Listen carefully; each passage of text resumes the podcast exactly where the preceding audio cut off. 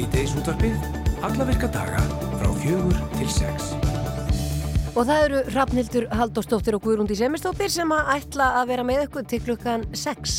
Menningamálastofnun saminuðu þjóðana UNESCO hefur kallað eftir því að blátt bann verði lagt við notkun snjálfsíma í skólum en stofnunni segir að símanotkun barna í skólum auki á lærdomserfileika, einelti og almenna vanlíðan. Og við fjöldluðum um þetta í gær, þá fengum við Jón Pétur Símsen aðstofaskólastöru réttarhólskóla til okkar.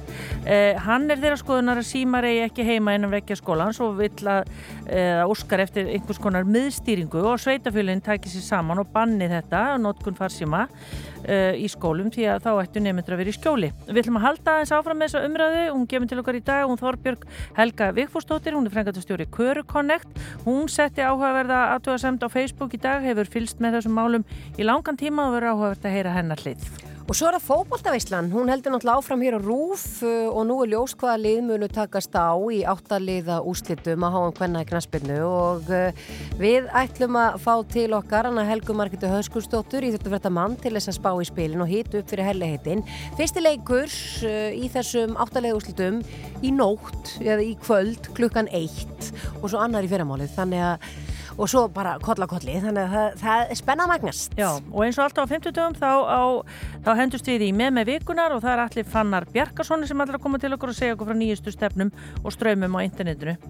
Og svo er það mögnu tónlist högna fyrir hérna margrómuðu Netflix sjómasætti Köllu eru komin, í, er komin út á Vínil og það á að blása til útgófu teitis eh, annarkvöld Sjómasættinir gerast eh, í viki Myrdal þar sem að Köllu Kós hefur staðið í heilt ár og Högni Egilson hann kemur til okkar í sítegis út af byggð á eftir og segir okkur betur frá þessu öllu saman Já, en við ætlum að byrja á hins egin dögum en núna á eftir, bara nú, nákvæmlega klukkan 5 þá á jarða homma hækjuna í yðnó og þá verður nokkur skona gjörningur sem að ber yfirskriftina erfidrykja og línni hjá okkur er Einar Þóri Jónsson sem að mun stýra þessum herleiheitum. Kontur sæl og blessaður, Einar? Já, sæl og blessaður, hæ. Já, þú verður nú útskýra þetta fyrir okkur. Þið ætlum þess að jarða homma hækjuna og, um, og hver er hún? Já, hver er homma hækjan? Já, það, við ætlum nú kannski svona í, í, í, stöttum panel að, að hafa svona umræðið um það hver homma hækjan er og hvaða hlutverki hún hefur svona gengt í lífi okkar hommana. E, það var nú svona hérna í gamla daga þegar hommar fóru að vera sínilegir að það átti nú mjög oft sína vinkonur og, og, og sáust svona í fyllt hvenna, hinga á þangað og, og þetta hefur oft verið svona eitthvað uh, hommarnir og þeirra vinkonur og þetta niðrandi uh, gildislana orð eða hugtak hommahækja, hvað er það og hvað þýðir það og hvers vegna, hvernig skildi það hafa komið til? Og, og þetta er náttúrulega óskaplega ljótt og niðrandi fyrstu það ekki orð yfir vinnáttur á milli fólks. Og uh, það er svona það. Og, og við ætlum að jarða hana, við ætlum að jarða þetta uh, hérna gildislana orð og við ætlum að jarða homahækjuna við háttila aðtöfn í yðnó klukkan 5 og uh, við hérna okkur finnst líka að það sé svo daldi merkilegt þegar að vera að tala um homahækjuna og, og, og vini eða vinkonu homana að það skulle til og meins ekki vera til eitthvað sem heitir lesbíuhækja hvað veist þér um það? Já, ummitt en, en er, þetta til, er þetta tilfellið að sko þetta var alltaf bundið, þetta er ekki sér íslenskt fyrirbyrðið eða hvað? Nei, nei, þetta er til á ennsku, faghæk og, og, og er gafnan sko í, í, í já, sérstaklega svona kannski eldri bíómyndum þar sem hefur verið að lýsa svona líf og tilveru homanna þá er oft svona mjög yktar hvern personar eða konur svona í því og þetta er oft svona aldrei fyndið og þetta hefur eitthvað með svona samskipti, djammið, djammið að gera, næturlífið en spurningin er nú kannski til dæmis að vinir eða vinkonur okkar strákarna er, er, það eitthvað svona einsleitar einsleitar, einsleitar konur eða persónleikar, er þetta ekki bara vinnáta, alls konar konur uh, af öllum alla mögulega týpur eða persónleikar sko. Mm. ég, og, og þetta er svona, þetta gildis hlana gamla og, og auðvitað eigum við bara okkar vinkunur eins og, eins og allir eiga sína vinni og uh, uh, ég veit að mörgum konum og finnst þetta alveg ótrúlega ljótt og leðilegt og flestar stelpur eða konur sem eiga homma fyrir vini, þær, þær séðast hafa orði fyrir því að vera kallaðar hommahækjur. Og hækjur, já, það er bara svo leiðis og þetta er ennþá þetta er ennþá já. og, og já Og það er árið 2023 og einar þú er vantilega að heyrta því fréttum hérna áðan, það var verið að skera niður fána fyrir utan bæjarskustöðunar í Mósinsbæ. Hvernig, ég meina, er, það, er fáránlegt að það þurfa að vera standi þessari baróttu akkurat núna? Já og, og maður svona spyr því sko skera niður fána, gælt á eftir fólki, uh, gera lítu úr fólki á, á netinu. Ég, ég veit ekki hvað þetta er stór hópur eða hvað, hvað þetta er almenn við, viðþór með þessum hætti en við sjáum það þetta bara víða út í Európu og það er skelvilegt ofbeldi sem að getur átt fyrir stað í kakvart hins veginn fólki þannig að við þurfum bara að saminast og vera á verði og, og gera þetta í, í, í sínileika og ljósi og ég bara teku upp tek upp hérna hugtæki kærleikur, við höfum að gera það þannig og standa saman og mér finnst líka, sko, mér langar kannski að segja það í leiðin að uh, þessi umræða um transmálöfnum og transfólki, sko, við sem að vorum homar og lesbíur hérna fyrir 40, 50, 40 árum og vorum að brjóta leiðina við gerðum það, já, og örðum sínileg og það búið ávinnast mikið réttindamálinn En í dag þá er þarna hópur fólks eða einstaklingar sem eru að berjast fyrir sinni tilveru og þau eru að gera þetta fyrir okkur öll, hugsið ykkur, hratnýttur og, og kunna, að þetta er, uh, þetta er frelsið okkar allra. Þurfum við að vera skilgrein okkur ykkur staður hins eða rófinu eða, eða gagkin eða rófinu til frelsið til að vera, með ekki kallarnir ykkar fara með þeir ekki alveg verið með naglalakk og eiga vinkonur, myndi þeir geta átt vinkonur á þess að þeir konur þar væri eitthvað fólur út í það myndi kalla hvað, uh, kallahækja eða hommahækja eða eitthvað annað skiljið, þú veist, að við fáum að vera Já. eitthvað negin og þurfum ekki að vera först og niður njörfið í þessum hlutverkum og það er það sem að transfólki er að fá á sig núna. Hugsið ykkur hvað framtíðin verður falli og góð þegar við losnum við þetta og þetta kynja misréttir sem er svo rót grófið alveg niður í bara raskatið á okkur. Já. Hvernig hlutin reyga vera og við erum alltaf först þarna. Einar, þetta byrja klukkan 5 fyrir alla áhuga sama í yðnó, er það ekki bara mæting hérna, það kostar ekkit inn eða hvað? Kostar ekkit inn, það er happy ára barnum og þetta á að vera bara falleg og skemmtilega aftöfn, allir velkomnir og ég get sagt bara svona í gríni, útkall, uh, homahækjur, yfir nóg klukkan 17 Já, bara rétt alveg í blálókin Elizabeth Taylor, Já. Rock Hudson og Já. James Dean þau eru þrý eiki, Já. voru þau alveg bestu vinnir? Þau voru bestu vinnir og Rock Hudson var nú svona einn af þeim fyrstu frægu í Hollywood til að deyja völdum alnamis hér á, á nýjenda áratögnum og hann var góð vinnir Elizabeth Taylor, James Dean líka James Dean líka.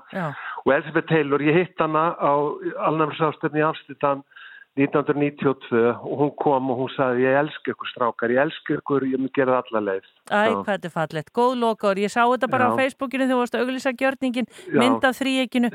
Góða skemmtun í dag já. einar og næstu daga bara á hátíðinu okkar allra og bara takk fyrir spjallið. Takk, takk, já, bless. bless. Þetta er rosalega flott mynd sem hann setur hérna af þessu þrýeiki. Akkurat. Og ég án og ekki vona því að Elisabeth Taylor hafi Hækja? Nei. Nei, eða þá fag-hag eins og það er á, á ennskunni. Nei. En erfiðdrykjan í yðnó klukkan 5 fyrir alla áhuga sama. Ég er eins og ég er, hvernig á ég að vera eitthvað annað? Hvað verður um mig ef það sem ég er er bölvað og bannað? Er þá líf mitt að fela mig og vera feiminn? Mitt líf var það til þess að ég kom í heiminn. Fullt finnst mér það líf að fá ekki að segja Ég er eins og ég er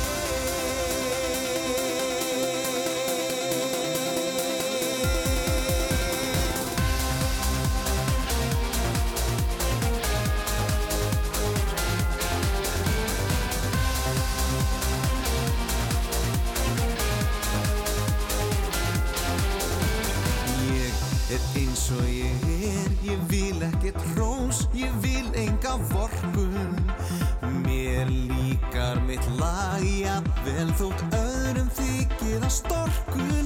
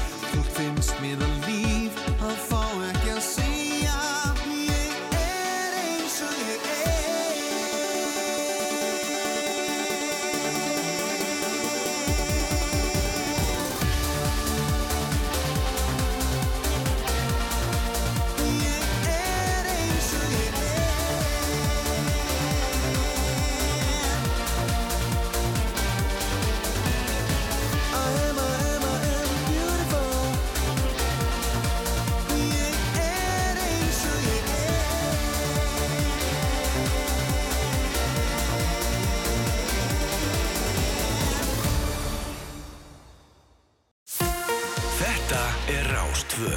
Fyrst og fremst. Með þér.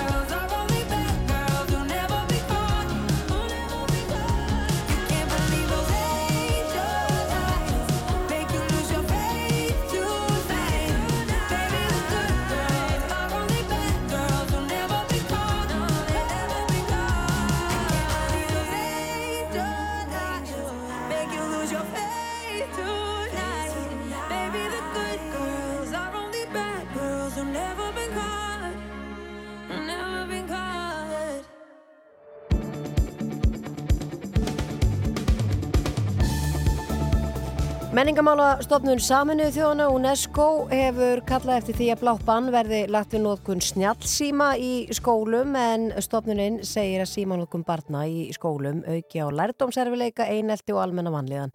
Og í gær þá fjöldluðum við um þetta í þættinum og fengum Jón Pétur Símsen aðstöða skólastjóra réttar á skóla til okkar. En hann er þeirra skoðunar að símar eigi ekki heima innan vekja skólans og óskaðan eftir einhvers konar miðstýringu að sveitafílu tækju sér saman og bönnuðu alfari nótkun farsíma í skólum því þar ættu nefnundur að vera í skjóli frá því áreiti sem að símaði valda.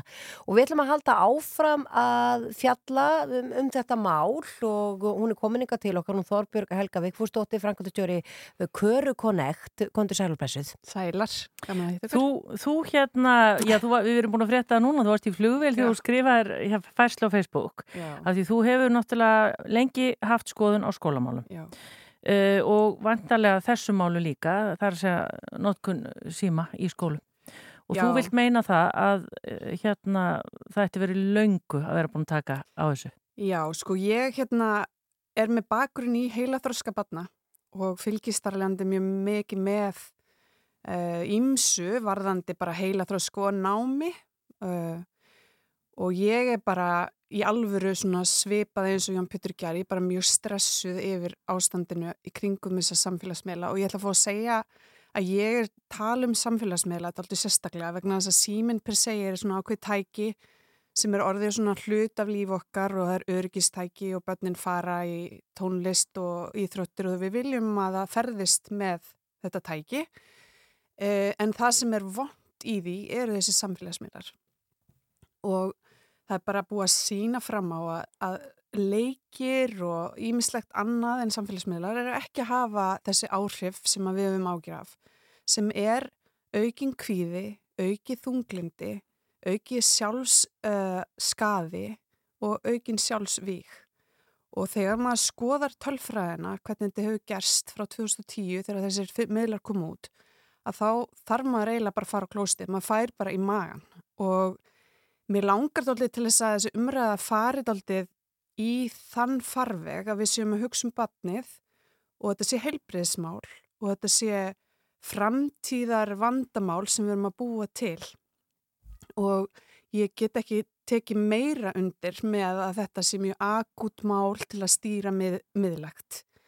Ég er hins vegar ekki með einhverja sín eða ramma um skólan, ég held að skólanir og einhver, einhvers konar miðleg batteri er að ræða um hvernig línunar er að vera lagðar. En sannarlega þarf að leggja þér og ég heyri alveg á vinkunum og ég er nú ennþá með ungböld útrúlegt en satt. En þá, þá eru þau, eru skólanir í debatti við fólkrana og maður heyrir alveg að það eru tækni sinna er kennarar sem vilja halda þessu gangandi og hafa síman til að geta sínt þeim eitthvað sniðut og svo eru fóreldra sem vilja alls, alveg geta náði börnin sín. Og svo er það kennararnir sem eru úrvinda að reyna að stýra þessu. Mm. og svo er annað álit sem er að það eru sér börn með sérþarfir að þetta getur nýst þeim mjög vel. En það getur líka virkað sem svona hérna að geima, geima þeirra mál og, og hérna þannig að þetta er ekki einfalt, einfalt laust og UNESCO er að segja að eitt fjóruði af löndum sé búin að setja einhvers konar ramma og það er ekkert títi fyrstu að byrjum á einhverjum einum ramma mm -hmm. að mín mati. Er þetta bara frumskóur hérna, bara vilt að vestri það er hver skóli, einhverju skólar hafa nú sett einhverja ramma, er það ekki? En það ger ekki neitt. Þa, það er engin miðlæg tilvísun eða, beð, eða svona rammi sem er lagður til eins og er og það held ég að allir skóla aðilar og fóreldrar kalli smá eftir að ég meina við vorum, við munum eftir því þegar það var allt loka, allt klukkan þrjú á nóttinni og það voru bara allir guppandinir og lækitorki og þetta var bara algjörst káos og það var farið í að laga það. Við munum líka eftir þegar það var, það voru parti heima hjá fólki og við fórum í hérna fóreldraröldið og við tókum á því saman að þau hætti að drekka, eða þess að við byrjuðum ekki að tala um áfengi fyrir einn setna og við getum þetta alveg en það þarf að vera samtala með þessara hagsmunaðila sem að sammælist um hvert markmiði sé. Já. En er nóg að tengja þetta svona við skólana? Þú talar um áhrifin á heilaþróskan. Já. Það er vantilega sko skólinn er bara smá partur af deginu. Já, ég finna aðeins til með skólanum í þessar umræði vegna þess að þetta er, þetta er eins og að segja börnunum sínum að reyna að byrja sem seinast að drekka. Þetta er bara það. Og mitt, mín líni í þessu er að tefja.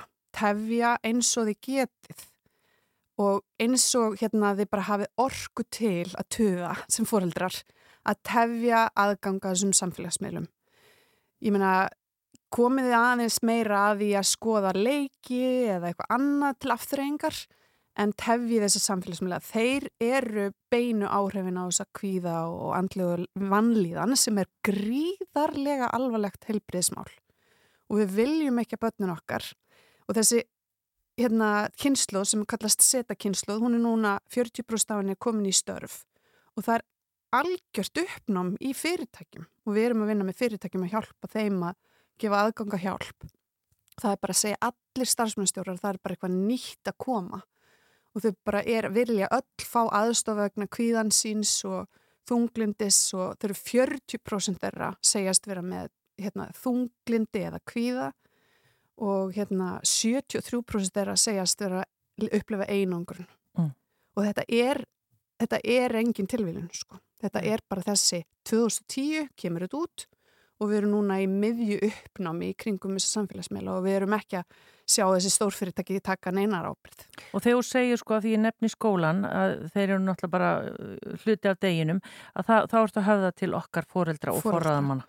Ég, ég held að, sko, ef, ef við gefum þeim þetta tæki sem ég held hérna á, þá þurfum við að tala um það bara eins og fíknefni og segja hér eru alls konar frábæri hlutir en líka mjög hættulegi hlutir og til þess að heila þroski þeirra fái eðlilegan framgang að þá ætlum við að býða með þetta og þetta og þetta. Og ef að þið eru komin á þann stað að þau eru nú þegar komin á samfélagsmiðla þá mæl ég með með foreldrum að sittast niður og segja, heyrðu, við ætlum að tala núna saman um að minka þetta því ég veit að þetta mun ekki hjálpa þér því er líður örugglega nú þegar smá illa í kringum þetta og nú skulum við búa til svona reglur um að trappa þetta eins niður.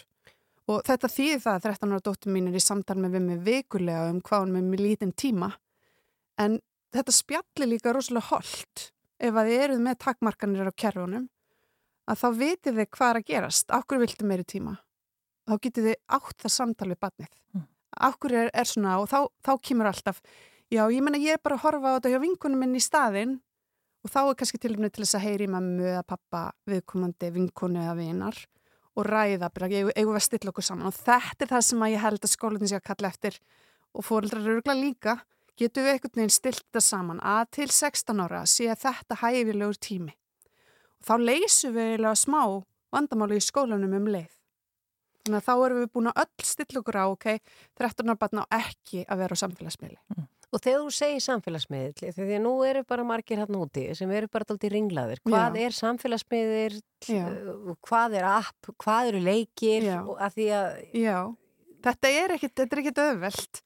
Um, samfélagsmiðlar eru til dæmis TikTok, uh, Instagram, Snapchat, uh, YouTube. Þetta eru svona þessi stóru miðlar. TikTok er lang, lang stærsti miðlinn og eins og Jón Pétur sagði ekki er, það er algrímið bara skellir þér inn í einhvern heim þar sem þú en, ekkit endilega vildir vera. Þeir skella þér meðal annars inn í heim þar sem þú sérð sjálfskaða vegna þess að ef þú sérði einhvern vera að meiða sig á TikTok þá dvelur við það vídeo þér finnst það hræðilegt. Og þá byrjar TikTok að segja meira af þessu. Mhm. og allt í hennu er bara venjulegt fyrir þér að einhver sé að meiða sig og skada sig. Eða, eða búa til samtalum eitthvað sem er kannski ekkert svo hræðilegt en gæti verið leist bara yfir kjötbólunum heima Já. En að, aðeins, fyrir ekki, aðeins að því líka því að e, þegar að krakkarnir síðan, ef við snúum okkur aftur með símanótkun í skólum, Já. ef þeir eru allir með síma og mega nota síma í skólanum og allt þetta, þá eru þeir vantarlega ekki að mynda neinn tengsl sínamilli. Nei, sko, þessi, þessi samfélagsmiðla partur, ég meina, ég bara lofi ykkur, ég bara trúi því og hérna alltaf að fá að dæma ykkur aðeins að þegar þið farið núna á kaffihús og erið í röð, að þá erið að tjekka. Veist, við erum hætt á kaffihúsinu að kíkja hver er aðna og gæti þekkt ykkur, við erum bara beint í síman og býðum eftir frá augustlu og ef við erum heppina þá erum við að fókusur á pöntunum okkar. Já. Og við sjálf getur rétt ímynd ykkur hver heilin á börnum eru og hvað er að gerast tengingum í heila starfsemi á þeim þegar við erum komið með fullþroskaðan heila og við veitum alveg hvað við erum að gera vitum alveg, við erum með, þú veist, uh, við erum tækin til að hugsa um hvað við vorum að gera og hvað var kjánalegt, en þau eru ekki með hann. Þau eru ekki með þessi tæki. Þau eru bara ennþá að reyna átt að sjá ef þessi stráku blikka mig þá er ég flott í dag, þú veist, þau þurfa þessu að halda. Já, en Þorbrík, þú varst sjálf uh, um hérna árabil í pólitíkinni og Já. bara þú talar eins og fyrir Reykjavíkuborg, ég menna þetta er risastór ákvörðin að, að ræða það að banna síma í skólum. Þetta er risastór ákvörðun en það er fullt af svona risastór ákvörðum á borðið Reykjavíkuborgar. Það er sérkesslu stefnur og það eru hérna, þú veist, hvernig ná að díla við miklu og þetta er ekkit meira eða minna verkefni heldur en þau sem lenda á borði borgarstjórnar. Mm. Þetta er hins vegar verkefni sem, sem, sem þarf samráð og það eru líka öll verkefninin þannig í dag sem betur fer. Mm. Þannig að ég vissum að þau eru eitthvað að gera en maður hefur ekki heyrt að því sem fóreldri en ég veit bara að skólanir þurfa að fá okkur ramma í þessu samtal við fóreldra og fóreldrar þurfa eins að horfa í einrann og spyrja sig, veit ég hvað barnið mitt er á lengi í símanum á dag? Veit ég hvaða upp þau eru að nota?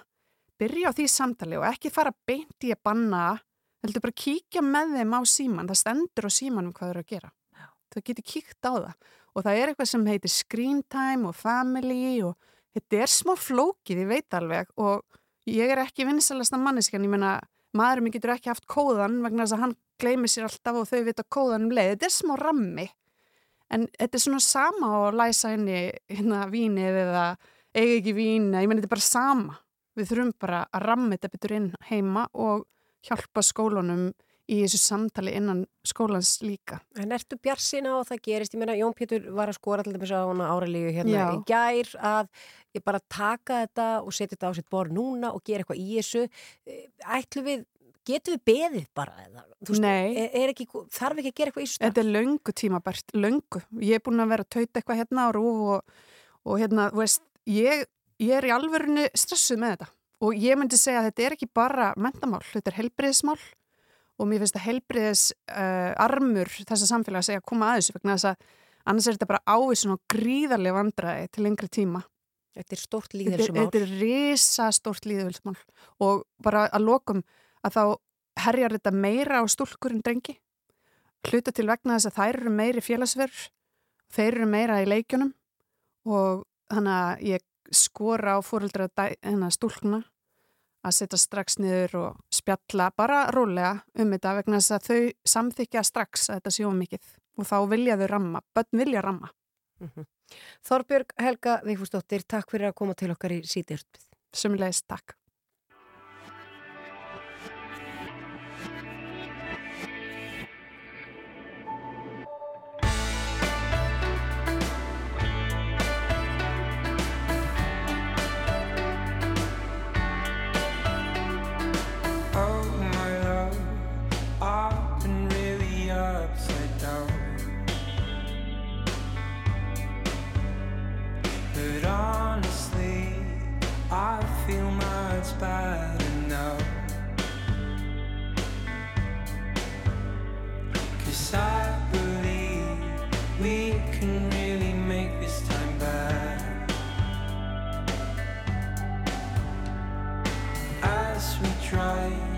Into this midsummer uh.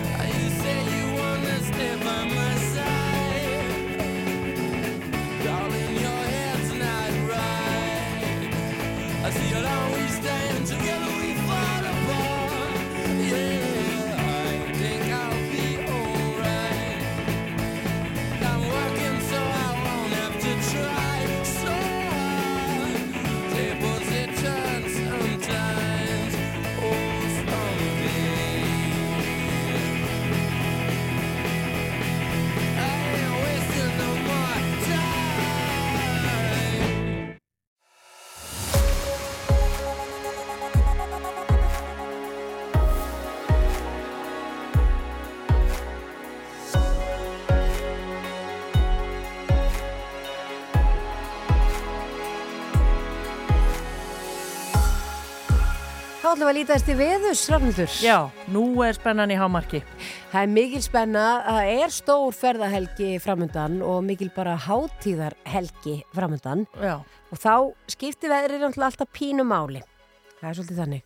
Uh, ef við byrjum á að líta á bara staðaspárun og klukkan 18, það er 17 steg hitt í Reykjavík og skíjað, 12 steg í Bólungavík og skíjað, uh, 10 steg á Akurir og skíjað, 15 steg á Egilstöðum og það er glampandi sól og 11 steg á Kirkjubæðaklustri og það er einhver úrkoma.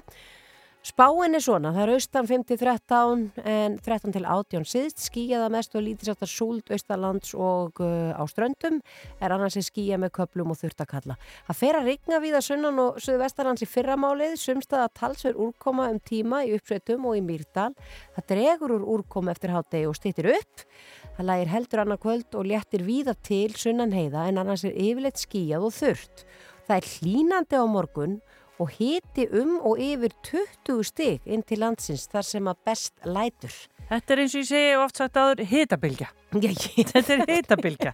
Það er ekkit annað en það. við líðum með þetta en, en ef ég kíki á laugadaginn, af því að á laugadag þá náttúrulega er, er til dæmis Hinsegin fiskidagur dagarnir, já, já. hinsidagarnir og fiskidagurinn þá er 16 steg að hiti og ætti að vera einhver sól í Reykjavík 12 steg uh, á Bólgavík og uh, skíjað Akureyri 12 steg, 10 steg á Egilstöðum og 13 steg á Kirkjubæðaklustri en það er þurft það, við erum dálítið hrifin af því, er það ekki? Líkilatrið. Já, það er mikið líkilatrið Við ætlum að fá Red Hot Chili Peppers. Keirum þetta eins í gang. Jú,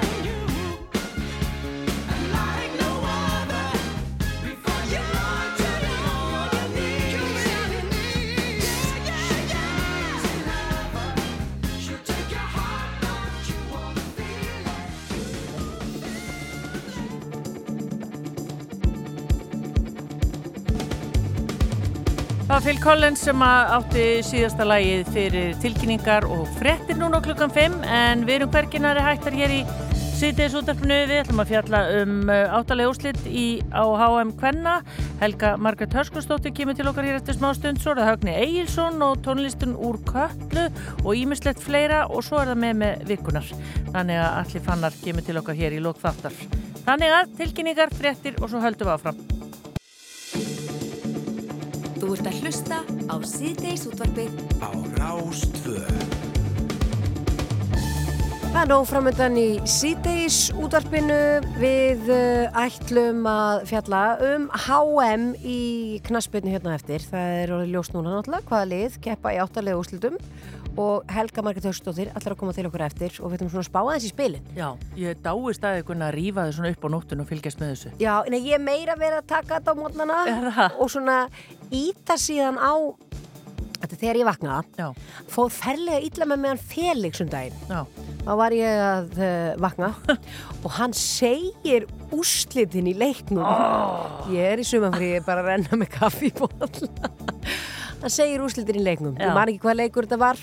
Ég man, uh, ég snöggar þetta og var nýbúin að setja á leikin inn í stofu náttúrulega á tímaflakkinu ætlaði að fara að horfa á hann. Þá kemur Felix og eðlilega, hann vinnur við það að upplýsa fólk um stöðuna þannig að það er að ég ætla að byðla til þeirra sem er að starfa ímist í svona útvarpi og svona að passa sig á þessu Að segja, sko, minnst alltaf svo flott að segja koma aðvörun eða viðvörun. Já, Já, ég ætla að segja núna úrslitin fyrir þá sem ekki vilja vinsalega slökkuð og tækinu eitthvað. Það var alltaf gert í gamla dag. Fel gerði þetta og alltaf. það gera það margir Já. af því að þegar maður er að fylgjast með svona íþróttaviðburðum eftir á þá passa ég dæmis alltaf að fara aldrei á, á, á netmila svo ég var að fylgjast með heimsleikonum í crossfit og svona, ég náði ekki að fylgjast með öllu alveg í byrni, það var bara alltaf síminn bara til hliðar alla vestlumhelgina þá má Felix ekki koma og gera þetta en ég dýrka Felix, ekki miskilja mig. Nei. en þannig að við ætlum að spá hans í, í þessi spil og eftir við ætlum að fá til okkar Högna Egilson líka og ræða við hann, hvað er hann búin að vera að gera í sumar. Hann er held ég að vinna einhverju sólóefni og svo er tónlistin og köllu komin út á vínil og uh, svo er það all okkar fannar með vikunar Já, en fyrst ætlum við að heyra í hljónstinni vök.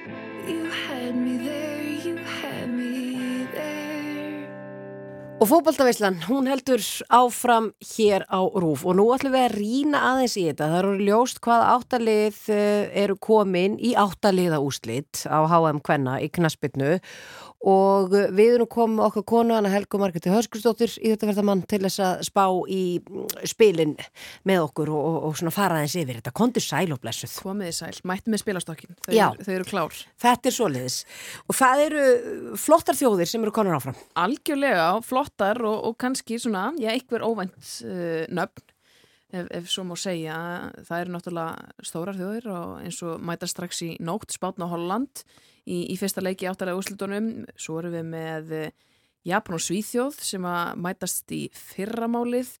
Við erum með Ástrali og Frakland á uh, lögadagsmorgun og svo England og Kólumbíu og það er kannski Kólumbíu sem er svona, svona nafnið sem að var ekki endilega spáða í þessum áttalega úrslutum en þær koma náttúrulega upp á þessum reyðli þar sem að Þískaland fellur úr leik og þær vinna Jamaiku í 16. úrslutunum, það voru tvö lið sem að voru, já, hvað svona óvænt, óvænt nöfn þar, uh, þannig að þetta er fullkomin blanda myndi ég segja og ég, þessi, öll þessi áttalið eiga held ég bara mjög mikið skilið að vera í þessum áttalega úrslutum. Já, eru mestu fréttinnar einhvern veginn að bandar ekki að konunnar sé ekki áfram?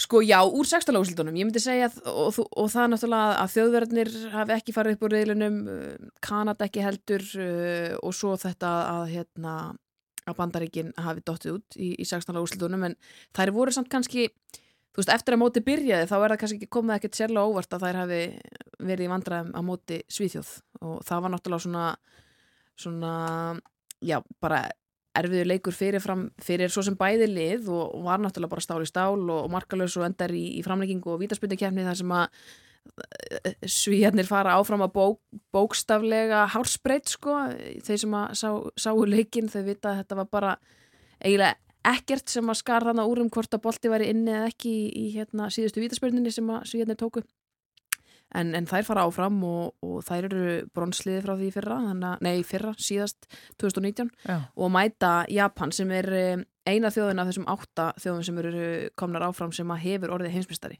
Já. og japanska liði hefur lítið mjög vel út og hefur heilla mörg og, og hérna, ég myndi segja að þær voru til alls líklegar og uh, eru kannski svona líklegra alveg allavega í, í því, því samhengi en uh, svo eru spánverðar líka búin að heilla fólk en þær fá er- erfitt verkefni í nótt að mæta hollendingum sem að eru líka búin að vera góðar og ekkert búin að fá neitt sérlega mikið af mörkum á sig þannig að það er orðið rosalega erfitt að spá fyrir um þetta þegar við erum komin svona í veist, það er orðið bara, það getur einhvern veginn allt gerst Já, það getur allt gerst. En það er líka svona svolítið sjónasetti samt af, uh, ég meina, Afrikuliðuna sem voru að taka hann þátt. Algjörlega og þau komu klárlega inn með bara látum á þetta mót Suður Afrika var virkilega skemmtilegt lið og, og spilaði frábæran fótbolta Og voru einhvern veginn alla? Já, bara, þú veist, það er alltaf þessi stemning hjá þessum liðum og Einhver það, taktur já, og, já. þú veist, og það er bara ógstlega skemmtilegt og það er náttúrulega það sem þetta snýst um þetta á að vera gaman, þú veist, það er engin lið hann kannski til þess að vera með ef við fyrir í þá samla sko, en, en þetta, þetta er bara það, það skýn svo í gegn þessi leikleði hjá til dæmis þessum liðum Suður Afríku og Nígerju sem leiðis sem að unnu Nei, mættu hérna englendingum í 16. úrslutunum og, og það fá náttúrulega í vítaspilið kemur líka og þann leik hefði Nígeri alveg átt skilið að vinna sko. Aha. þannig að hérna, það er klárlega eftir sjá eftir þeim liðum og svo náttúrulega Marokko sem að var hérna, þriðja Afriku þjóðan til þess að fara áfram í 16. úrslutin öllum að óverum held ég liðið sem var næ- lægst nægst, lægst á þessum styrkleikarista FIFA fyrir þetta mót um, en þær, já, það var aðeins of, ofstór biti fyrir þær að mæta, mæta frökkum. En, en þetta er auðvitað bara það sem að þetta móti búið að sína okkur er að þetta er farið að verða þú veist, íþjóttur er múin að stækka rosalega fyrir utan Evrópu og einmitt bandaríkin og, og það er kannski svolítið svona það sem að þessi liðir að átta sig á. Heyrðu, ok, það eru, við þurfum aðeins að, að keira okkur í gang Já. aftur, það er ekki tækt að bara mæta á mót og ætlast til þess og rúlir yfir bara alla sem eru ekki, þú veist, bandaríkin eða Þýskaland eða Þannig- England, þú veist, er svona það er heldur svona það sem að við erum að sjá á, á þessu móti núna, sko. Og það að fjölga liðunum er greinilega að hafa góð Já, áhrif. og það, fólk var fólk hafði ágjörð því að mögulega væri þetta bara þú veist, þetta væri ekki nógu góð lið sem að væri hérna að koma inn, en það er í rauninni þú veist, það eru kannski tvö, þrjú lið sem að, eh, þú veist höfðu ekki erindi sem erfið á þessu móti en uh, flest náðu að skora einhver náðu að vinna leiki, þú veist, þessi nýlegar þannig að ég, ég myndi segja og, og ég held að fleiri séu saman um það að þetta hafi bara hefnast mjög vel að að fjölga þessu í, í 32 lið. Ég, ég menna það eru leikir hérna sem eru að enda mitt bara í vítaspinnu kefni. Já, þetta er alveg bara jamt og spennandi alveg uh, til enda. Já og við vorum að, við erum að sjá færri svona risastór, við fengum náttúrulega 13-0 sigur sko 2019, þú veist það var engin svoleið sigur, jú, jú, við fengum 6-0 og 7-0 en, en hérna það kemur fyrir á bestu bæjum sko. Já, þannig að þeir sem að vilja vaka uh, í nótt, þetta er alltaf jafn skrítið tímar. Já, já, það, þú veist, við verðum bara að sætt okkur við það en þetta fennu að verða svona aðeins skaplegra núna. Það er leikur í nótt vissulega klukkan eitt, Spátn og Holland, uh, það er náttúrulega stórleikur. Það er náttúrulega alveg þetta að vaka. Já, já. Hvað, hvað, Ég menna fólk er að vaka. Vinnustyttingu eða eitthvað í fyrramálið, er það ekki, er það ekki hægt? Fólk er að horfa á Super Bowl og finnst það ekkert vesen. já, nákvæmlega. Það, ég myndi allavega hvetja til þess að vaka og ef ekki, ég vakna þá fyrir leik Japans og Svíþjóðar sem er klukkan eh, átta og sagt, í fyrir þessa leiki áttalóðsöldunum erum við með eh, háum stofana þess að við hérna könnum stöllið eh, reyndar ekki fyrir leikin fyrir í nótt en, en það verður farið yfir hann byrjum háum stofana klukkan sjö í fyrramálið, förum yfir Spán, Holland og uh, hittum yfir Japan Svíþjóð og svo verður farið yfir þann leik eftir leik og svo á lögadagsmorgun þar er leikur klukkan 7 Ástralja, Frakland og 10.30 England, Kolumbía og uh, hittum svona hálftíma fyrir kvotleik og eftirleik þá er hittað upp og, og farið yfir þetta allt saman. Brjála að gera núna. brjála að gera. Og svo náttúrulega, þú veist, þá verði ég kannski misnótt aðstöðu mín aðeins og minna á byggarúsleikin hvenna, Já, líka annað kvöld. Á lögatarsvelli. á laugardagsvelli, Víkingur og hérna breyðablík, fyrstu deildalið Víkings. Sannkalla byggaræðin til í gangi hjá, hjá þeim og þær mæta blíkakorum sem eru já, alls ekki ókunnar því að vera í byggarúsleikin getum orðað svo leis Og hvað, viltu eitthvað spá fyrir um það? Þú mátt það náttúrulega kannski. ég, ég, þú veist, ég, það verður bara Víkingar eru búin að vinna bestu tildalið á leginu sinni í þennan úslita leik og, og hérna, þær eru bara til alls líklegar alveg eins og blikandi, það er bara ég myndi segja að vera ekki hægt að afskrifa hvort Nei, þetta verður svakalegu leikur. Þannig að við hvetjum, það verður náttúrulega að stöppu fylla völlin. Já, í fyrsta lagi það spáði bara fínast verið bara blúsandi hita á eitthvað, en, engin sól, það er svona fullkomið fótbolta viður. Mann verður ekkert kallt í stúkuna eða neitt, þannig að hérna, það er nóg að gerast. hvenna fótbolta og veistla næstu þrjáta hana. Já, Þetta, það er bara nákvæmlega svo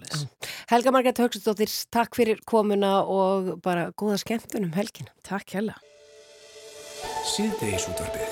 Á Rástfö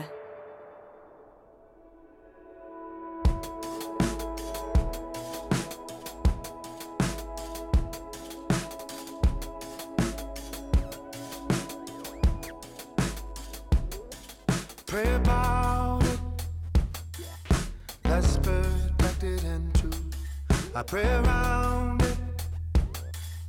That's fully fulfilled with you.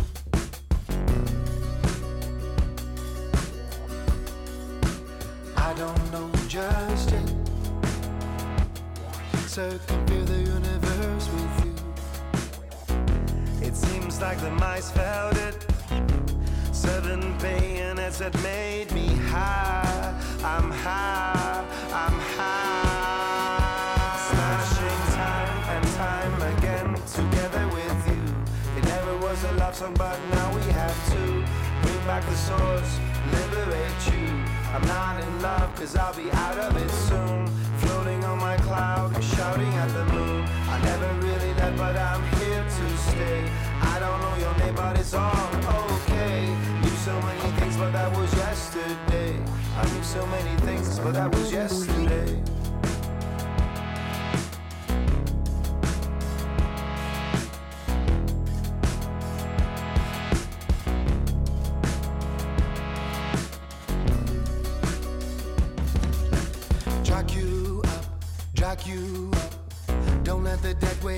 Drag you down.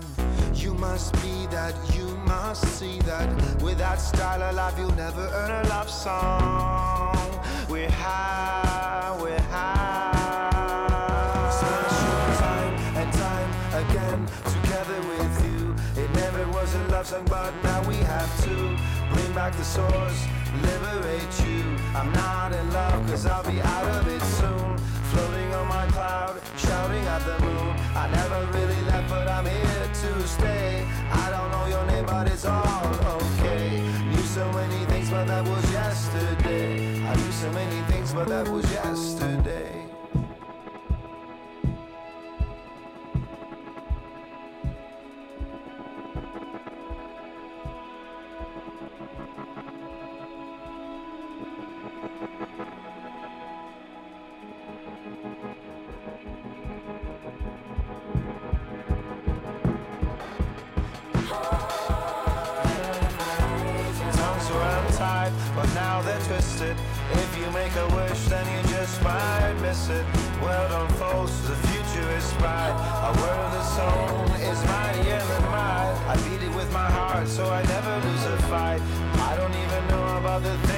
I've said. I don't even know how many times we met. World keeps turning, hips are burning, cats are curling, lights are twirling, sweet suspicions, McCanny, I'm patient. Laughter is contagious. So we will live for ages. We will live for ages.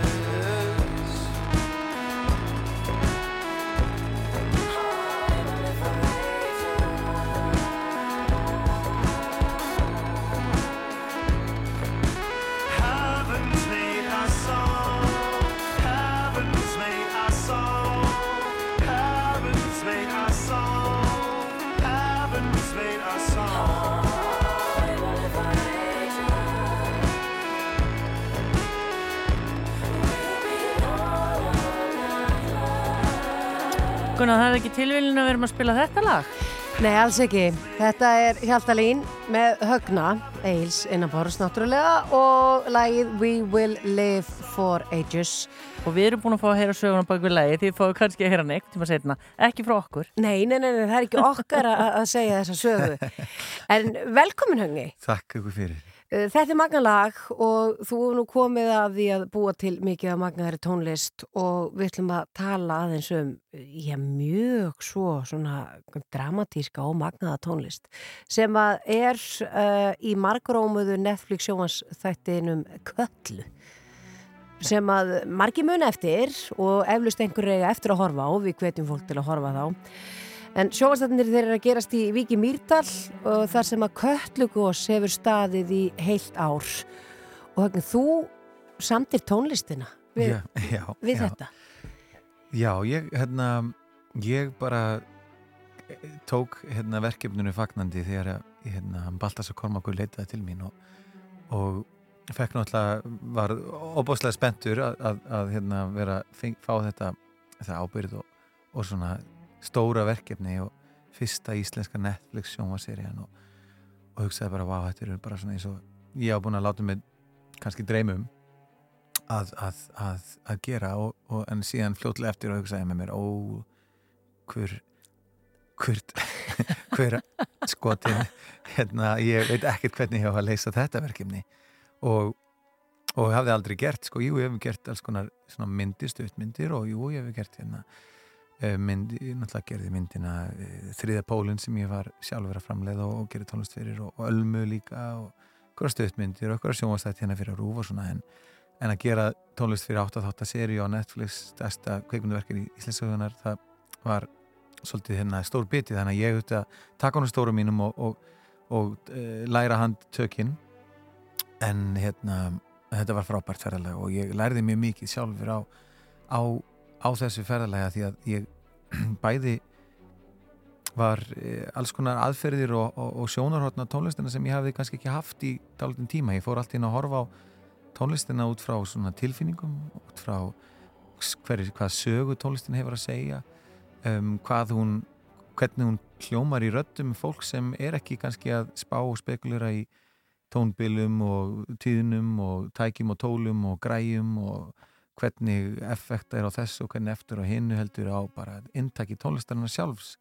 Og kannski þegar maður fer að vinna mikið í, í tónlist á kannski er þetta barnalega ég segi barnalega í allir besta, besta skilningi þess orðs eh, aðkoma að tónlistinni svo verðmætt að Mm. geta séð og sagt bara váka þetta er hrottleikjandi eða váka þetta býr til mikla von eða dulræn áhrif. Og, og þá ferða að máta það við, við kvikmyndina með, með einhverjum hætti á, á það nátt að þú skapir hvað sé, einhverja vít sem er yfirskilvillega eða skapar fantasi eða hleypir sögunni áfram eða er henni gefur áhöröndunum á, á svona djú, djúb áhrif. Og, og það var verkefnið en, en eins og ég heyri þá er þetta ekki eitthvað sem maður kannski bara kaupir ykkur handbóka af. Maður þarf svolítið að, hérna, að fara í svolítið svona í, í, ákveðna stemningu sjálfur og, og, og þetta var mikið fæðarlega en ég, ég þess vegna er svona smá lokapunktu núna á, morgun í 12 tónum að setja þetta út í vínil og leifa fólki svona heyra einmitt núna allt í hennu núna er fólk að heyra þetta í fyrsta skipti ég er búin að hlusta á þetta, marg oft og vinna að þessu en,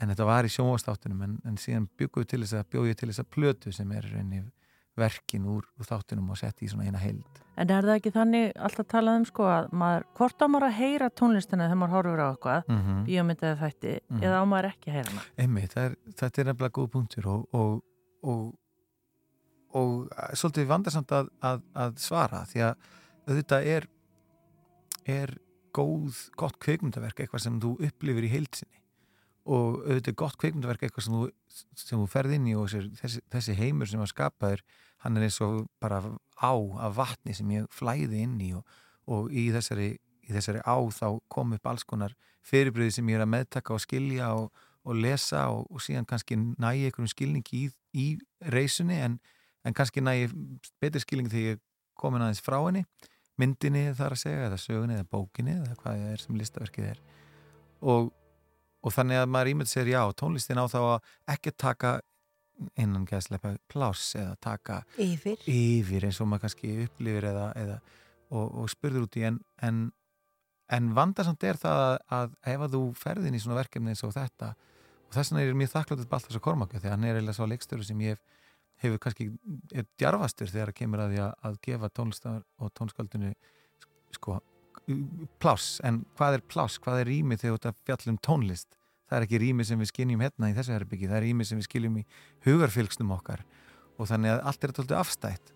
En, en hann einmitt svona kvarti mig að ég veistu högni, ég mér langar ekki að fá svona ú, ú, búm, búm tónlist sem er svona shh, eitthvað svona, þá bara geti ég kveikt á þóttvælinni minni. Já. mér langar að fá tónlist og ég held ég að skilja hann hérna bara þannig að, að ég ætti ekki að minka mig, heldur einfallega að segja eitthvað sögu sem ég, sem kæmi til mín og, og jú, það, það tilengast sko þeirri sögu og þeim heimi sem er skapast í, í hérna sögunni um, um, um grímu og köllu og, og það sem gerðist.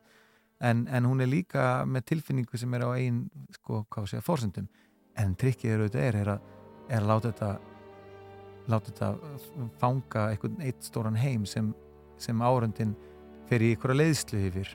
En síðan kannski þannig að, hvað, stuttasvari sé að þú vilt ekki að hún taki yfir þú vilt ekki að hún að, að árendi segi byrju ég meiki alveg þessa tónlist.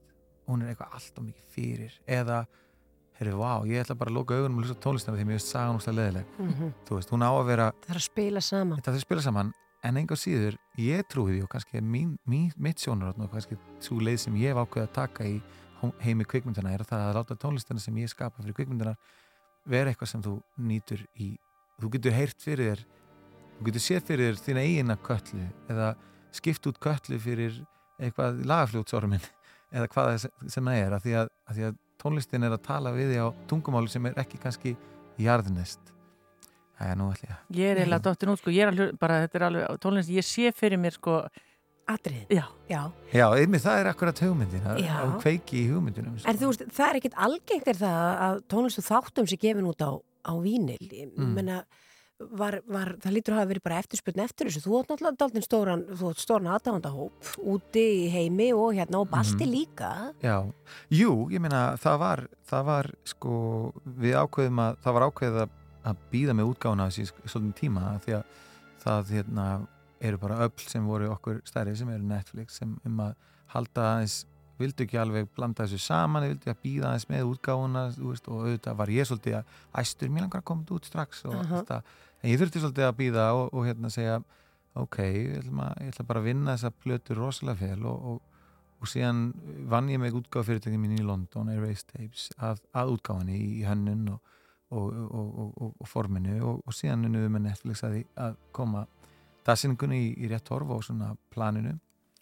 Og og uh, já, það það uh, er bara þakklátt, ég hef ekki gefið tónlist sjálfur persónulega í sko í plötuformi í síðan, ég gáði mína fyrst soloplötu 2017 ég gefið út hjaltalegi músík og ég gefið út svona lög á netinu sko en, en að gefa út plötu, vínilplötu, það er auðvitað Það er stórt. Já, gaman, Já. gaman eitthvað Og- sem þú setur í skápin hjá þér Akkurat, og þú ert að vinna að áframhaldandi, er það ekki? Tónlist, sóló? Jú, nákvæmlega, ég er að vinna að, að núna fæ ég ég er búin að vinna síðslinn 2-3 ára að nýri soloplötu sem er þá plata nr. 2 um, sem ég vann í New York og í Los Angeles og, og, og í Ameríku svolítið síðust ári en, en líka henni Reykjavík og meiri þess að hérna, öðrum stöðum og, og, og hefur verið plata sem ég hef verið, er svolítið stóri sniðum. Hún er stór og mikil og, og með mikil litróf, það eru ímis lög sem ég er samið að því ég, ég kannski er svolítið, svolítið hérna, ég veit ekki, það eru margir þræðir í tónlistarlega innan í mér sem, sem er að kljást á sama tíma. Stundum líður mér og stundum er ég í einhverju krísu með sjálf að mér ég, þetta er ég hitt og ég er syngin og sem kannski fallið ástarlaga sem ég, sem ég sem, sem er kannski heillandi á eitthvað nátt og síðan kannski kemur úr mér einhver, einhver meiri drungi annar staðar og, og, og, og þegar ég er að semja minn einn plötu þá er ég að spyrja mig býtu, ég er ekki með einhverja bíómynd sem er svona formið þess að það er þægilegt undum að vinna með bíómyndur því það er bara rammi sem þér er gefið. Og þú segir já þetta er handritið sem er að inspirera mig, ég ætla að fara á stað. En að vera með eigið einn plötu er svona þú, ert, hérna, þú, ert, þú hefur söguna til að segja.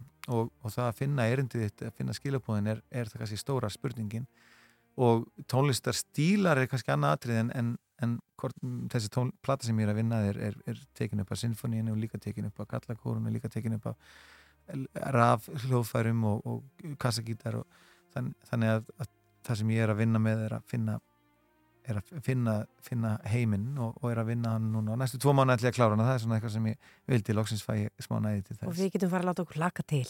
Og svo líka tónlistin er það ekki í nýjustu bíómynd Baltasars? Jú, jú. Snerting. Snerting, nákvæmlega. Það, það þeir eru að vinna áfram saman. Við erum að vinna áfram saman. Við vinnum ákveðlega hérna saman. Við hérna það er bara gleðilegt og, og, og, og þessi mynd er allt, allt, allt öðru í sig heldur en Katla. Hún er allt öðru sér stök og Baltasar er kannski svo leikstöru sem við höfum sem er hvað hérna, hefur hvað víðasta liðdrófi líka í sínum kveikmyndaverkum hann, hann sektur fyrir, fyrir allt. allt saman þið veitir hvernig þetta er en, en, en þetta skiptið er kannski er svona þetta er mjög sensitív mynd sko, mjög svona eh, náinn og það er nánd og það er nándakerleikur og söknur og fjarlægð og sagan er snerting sem er sagan sem Ólafur Jóhann skrifaði fyrir, fyrir ykkur síðan og, og fjallar um mannin sem fer á, á vit gammallar hennar aldraðarar ástar sem hann farf úr hans lífi í, á sjönda áratugnum og, og hérna, sjötta áratugnum og, og, og japansk kona sem hann fer að vitja og segi ekki meira en, en mjög falleg saga og Egil Ólusson leikur þarna hluturk og það er bara gullfalleg wow, getur beðið. Nei, og akkurat þessara myndar er beðið með mikil eftirvönding og það er bara þannig. En viltu bjóða í partíð á morgun? Ég heldur betur, það er bara öllum bóðið og það verður, við verðum í hérna þessari góðsynningendu um, plötuverslun 12 tónar uh, annarkvöld upp úr sjö þar sem ég verð og við ætlum að hérna, sína plötuna og, og spila hana en, en sína alltaf líka um Guðrún Ír getur enna að leikuna þáttana og þetta, hérna, þjóðarkonfekt hérna, að leika smáveis líka og, og, og Arnar Ekkert Tóruðsen hérna, tónlistarínir og, og fræðingur allar að, að, að hérna, fjalla þessum músík og músíkina uh, líka en, en síðan verður DJ Tyler J. Tyler ætlar að spinna eitthvað, plötur og það er bara stemning það verður bara partí þetta er bara gott partí Högni Eilsson, til hamingi með þetta allt saman. Uh, Katla, komin á Vínil og partí í 12 tónum á morgun upp úr sjö. Takk, Takk. fyrir komina Takk fyrir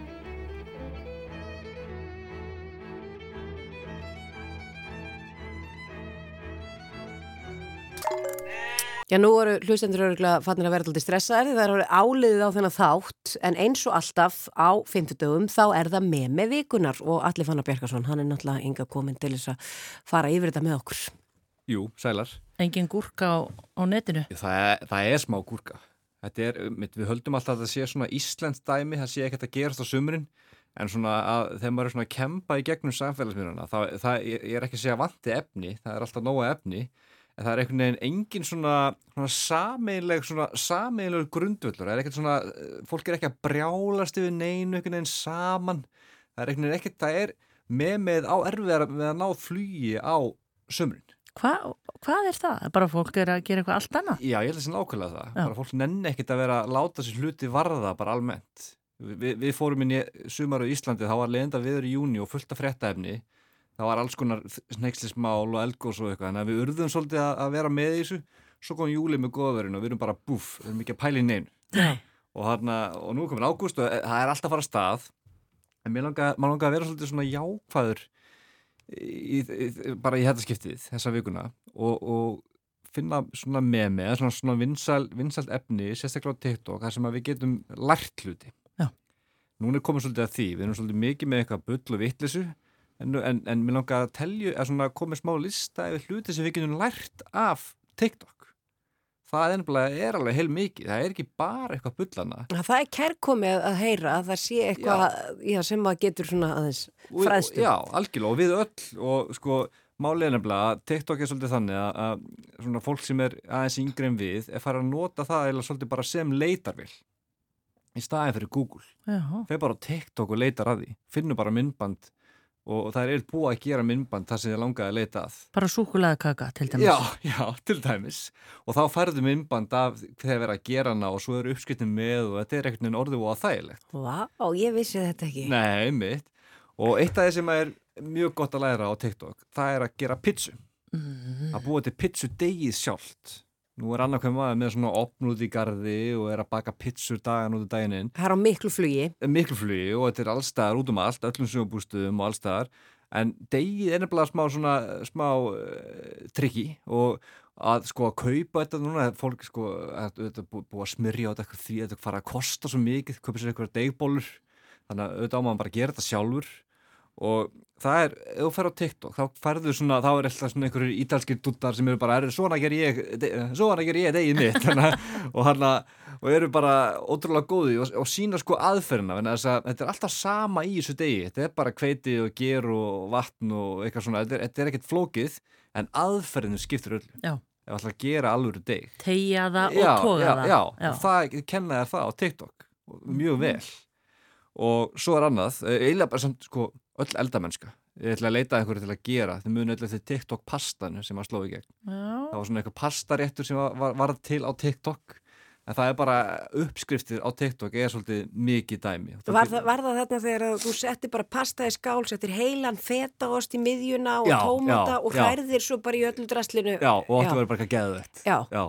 og eh, mörg smökku þetta og þetta var vist alveg fínt. En, en, það, er bara, en það er mikið að frábæru um uppskriftunum hana og einmitt, maður fær, fær að horfa á hvernig þetta verður til það er kannski svona, það hefur fram yfir bara textan á blaði, skilja Þannig að þú vilt þá jafnvel meina það að þeir sem eru núna að undirbúa helgina og ætla að grilla pitsu út í garði, það er Já. með þessa pitsuopna, Já. það kannski bara prófa það í staðin fyrir að fara á Google og fá sér uppskrift og degi að fara á TikTok. beint á TikTok og ef þú ætla að gera á lögadaginn fara í þetta bara í- beint í kvöld eins og maður mað lærir á TikTok að það er þessi gerjun sem er svo mikilvæg sko. Já, það þarf náttúrulega að hefa sér degi og Já, náttúrulega svo já. súldegspitsur, það eru náttúrulega ægilegu líka Já, það er líka svolítið erfiðar og það áttu að eiga þessar móður og eitthvað svolítið sko, en ef það ætlar að búa til deg, þetta er alltaf venjulegt, bara venjulegt en ekki alltaf pilstuðið geggja, það færa þess að- að að- að gerjast, Já. þá verður bræðið til eins og um, þetta læri ég á TikTok og hann Já.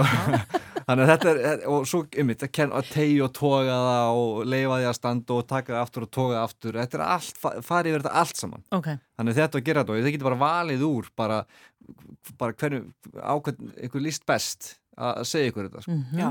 og allt gott, ja, þú veist, megnið þessu þú auðvitað mikið að byrja líka en þarna, svo er annað, spila á píano það er alltaf verið að sína manni sko bara svona ofanfrá myndband af píanói og svona fræg lög. Þannig að þú vilt sko þú vilt kunna kannski bara eitthvað smá úr frægu lægi, lægi bara ekki til að geta svona komið til að vera sinni í partí og byrjað eitthvað lag, bara allir bara wow. Piano Man? Já, já, til dæmis. Og svona bara, og til dæmis lag sem er fræg núna, ekki bara eldgömmulög skot, skot á hralli Nei, ég var að tengja sko piano Já, Já, já, já, já, já. jú, jú, jú, Já, jú. en já. þú ert að meina að þú vilt koma og slá um þig með því að vera kannski með bara nýjasta lagi frá Taylor Swift sem Já, er að já, tröllrið já, öllu já. og kantur í hljómana í því Já. þá náttúrulega ert þú bara hetja Já, og þú leitar að því bara á TikTok, spila bara, skrifa bara lagið og bara eitthvað piano tutorial eða piano lesson og þá er yfirleitt einhver búin að, að að taka það á sig, að búa til myndband og kenna fólki allavega svona í sinni einföldustu mynd, nóg til að svona að- að- að að slá um sig einmitt. Þetta er, þetta er mjög sniðut og þá hann veistu, hvað er betur en að mætin í partíð búin að baka pizzuna sko fyrir alla? Wow. taka svo fram píanói og, spila spila einhverja byrjun að lægi og allir bara wow, hvað er í gangi hérna sko? Þetta er ekki, þetta er bara flottasta, besta partís, besta partís sem ég farið í. Já, og svo svona síðasta sem er kannski bara núna út af því að um helgin að byrja ennski boltinn.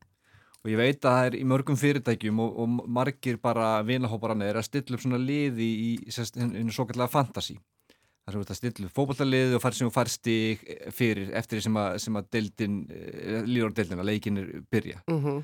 og þetta er, þarna eru á TikTok eru, eru menn sem eru búin að pæla ros, miklu meiri sem þú og miklu meiri sem við og miklu meiri sem allir þeir eru að fara yfir sko, hvaða menn eigi að velja og finna svona, svona, svona já, hvað ég segja svona, svona óslýpaða demanta inn á milli Þetta er á TikTok? Þetta er á TikTok wow. og þeir eru bara, erðu þannig að þú ætlar að fá hérna einn ódýran varnamann, þá var ég með einn einn í Luton eitthvað svona sko og, og það er allir að fara að velja bara Haaland og Sala en þú, ef þú ætlar að vinna innan fyrirtækisins, innan vinnaopsins þá verður að, að geta valið menn sem að hinn eru ekki með og þá getur að fara á TikTok og fengi mjög góð ráð í þessu Vá. Ég vissum að það eru margir miðaldra þarna úti allir. sem Þeir eru farnir á TikTok Já, núna. þeir eru afskaplega þakkláttir fyrir heimsók þína hingaði í síðdeirútarpi og þetta með með vikunar.